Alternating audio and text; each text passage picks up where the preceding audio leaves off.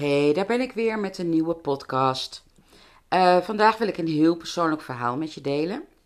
En dat link ik dan wel heel erg natuurlijk aan uh, de processen van de wet van aantrekking. Ik wil jullie namelijk vertellen hoe ik uh, om ben gegaan en omga met het overlijden van mijn vader.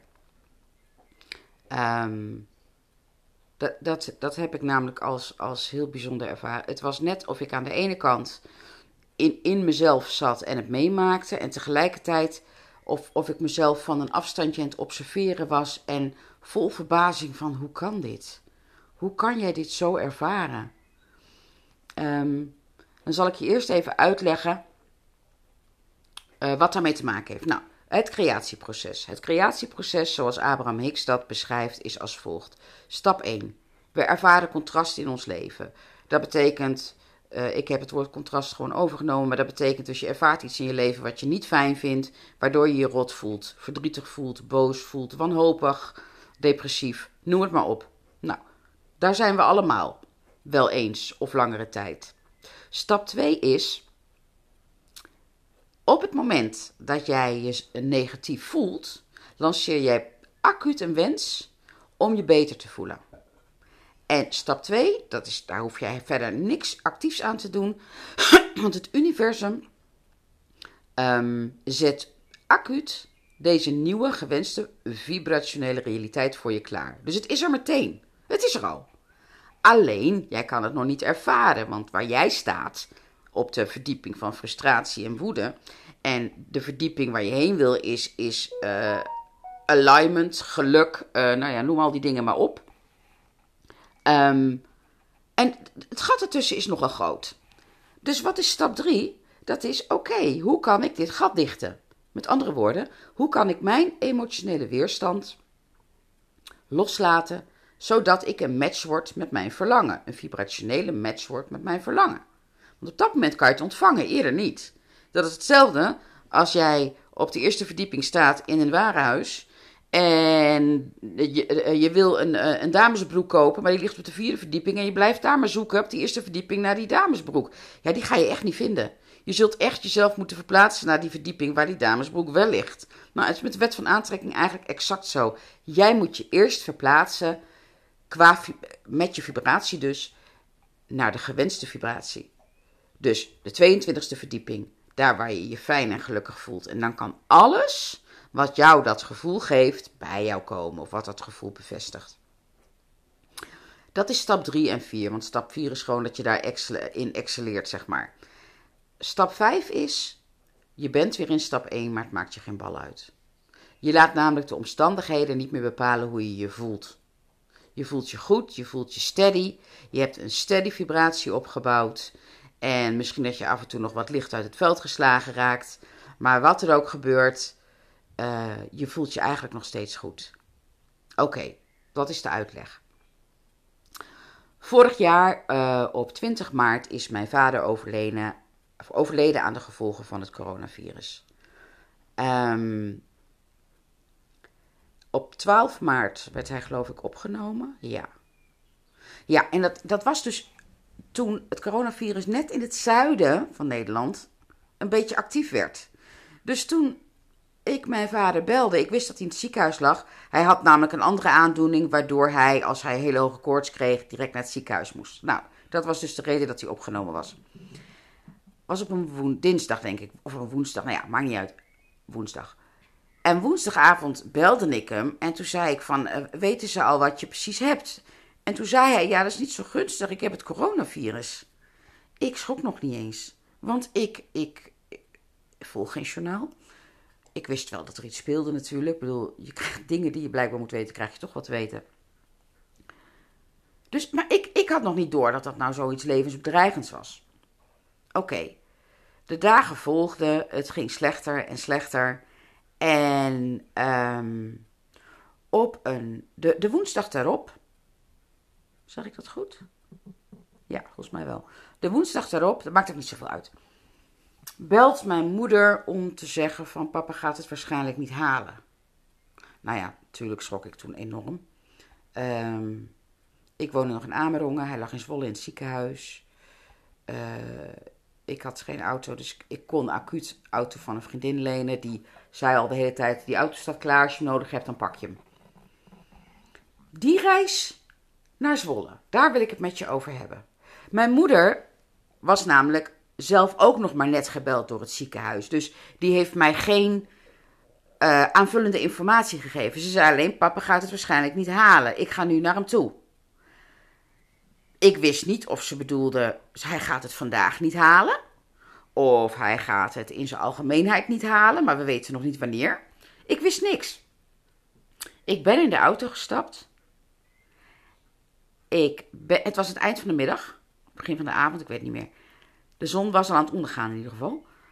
Uh, ik heb die hele rit in alignment doorgebracht. Dus in totale verbinding met mezelf. En dat bedoelde ik dus net. Het was aan de ene kant of ik. Ik zat aan het stuur, hè? Ik, dat was ik, dat was mijn fysieke ik. En tegelijkertijd was ik mezelf van een afstandje aan het observeren.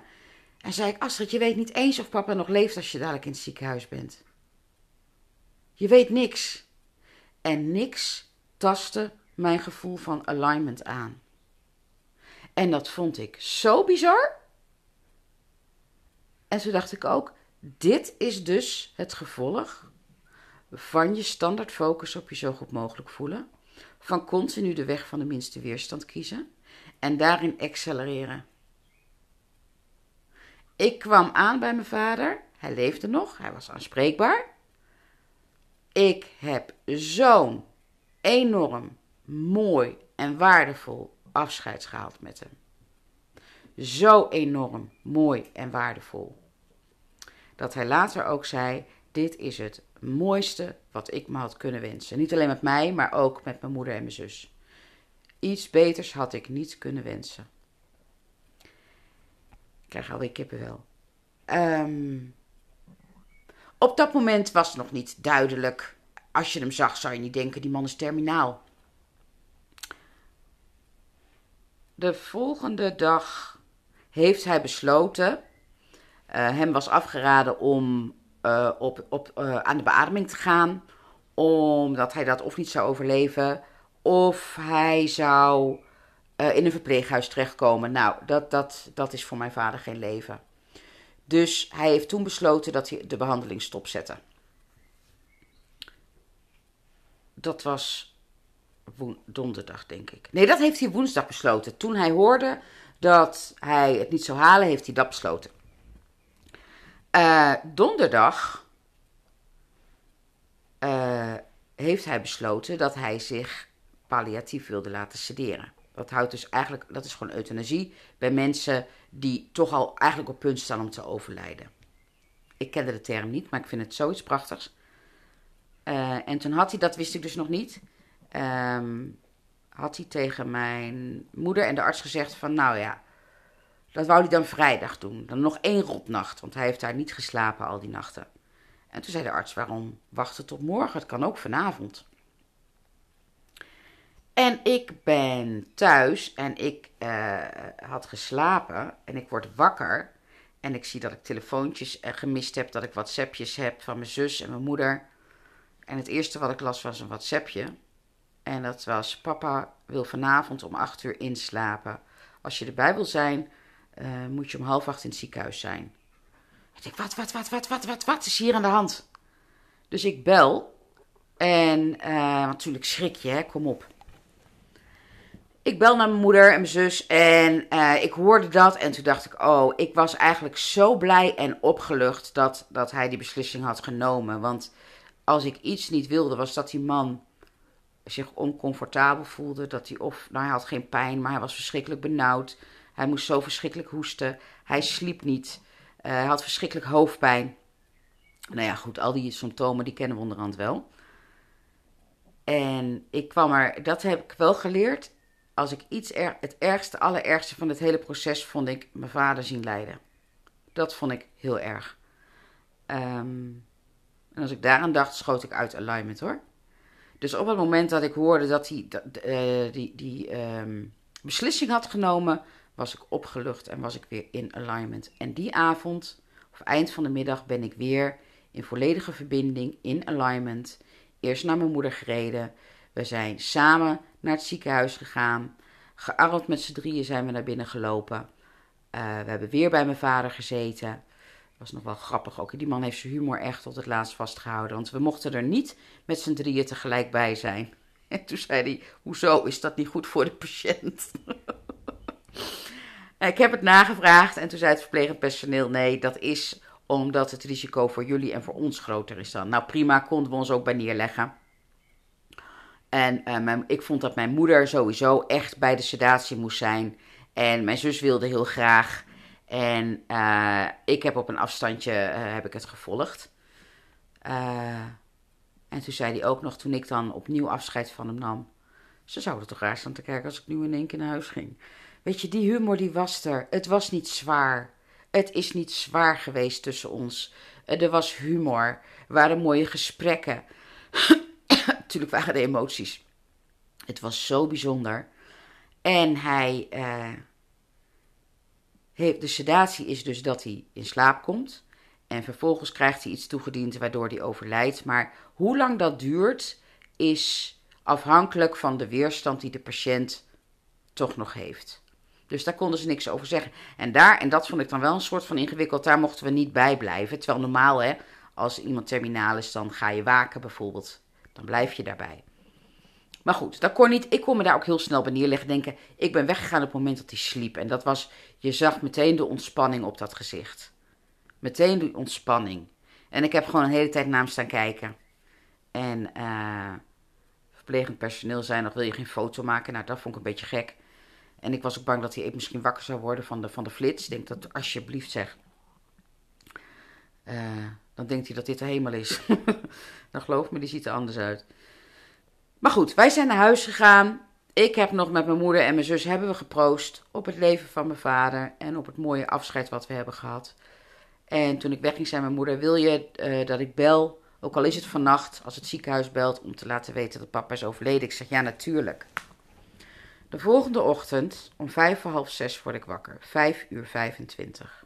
Hè, want ik keek op mijn telefoon. Ik ga weer liggen. Tien minuten later belt mijn moeder om te vertellen dat mijn vader om 5 uur 25 is overleden. Nou, ik krijg alweer kippenvel. Ik krijg alweer kippenvel. Dat vond ik zo mooi. Dat vond ik zo bijzonder.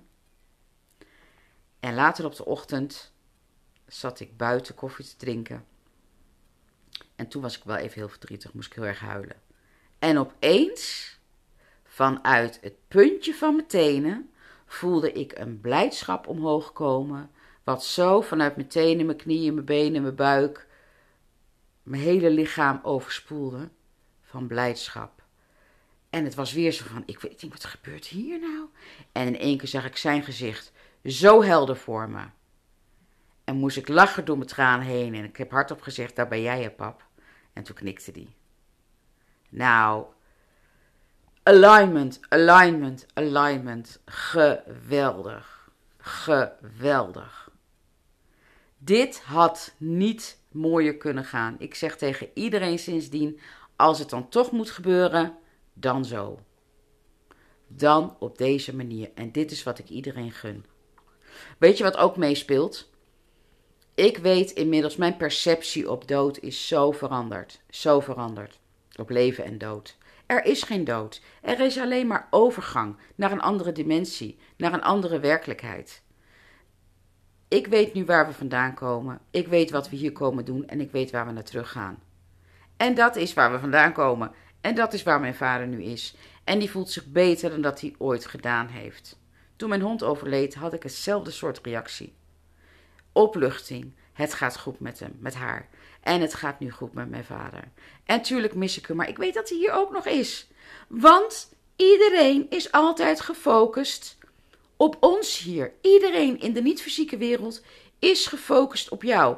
Alle mensen die van jou hielden toen ze nog leefden in de fysieke wereld, houden nog steeds van jou in de niet, vanuit de niet-fysieke wereld. En zijn gefocust op jou, want vinden het beren interessant om te zien hoe jij je leven leidt. En zullen op alle mogelijke manieren proberen om jou daarin te steunen.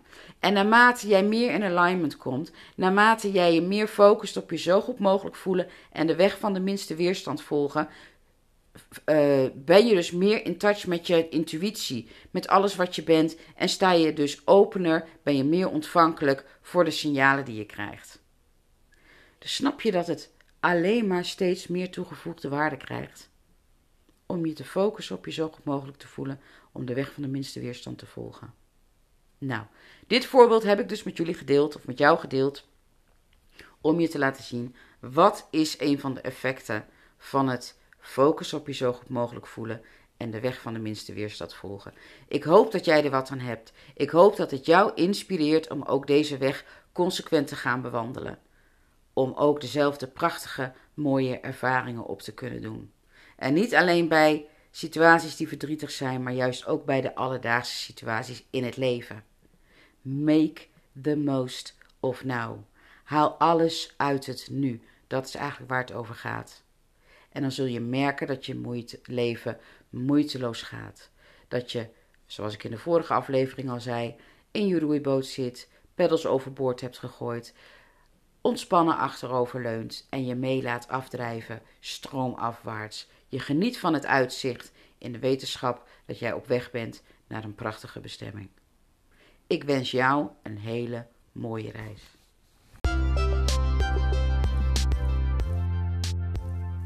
Dankjewel voor het luisteren naar deze podcast. Ik hoop dat het waardevol voor je was en dat je dit anderen ook gunt. Zo ja, en voelt het goed, wil je deze aflevering dan delen op jouw eigen sociale platforms, zodat we op deze manier samen de wereld echt een stukje mooier gaan maken. Mijn eeuwige dankbaarheid heb je. Dankjewel!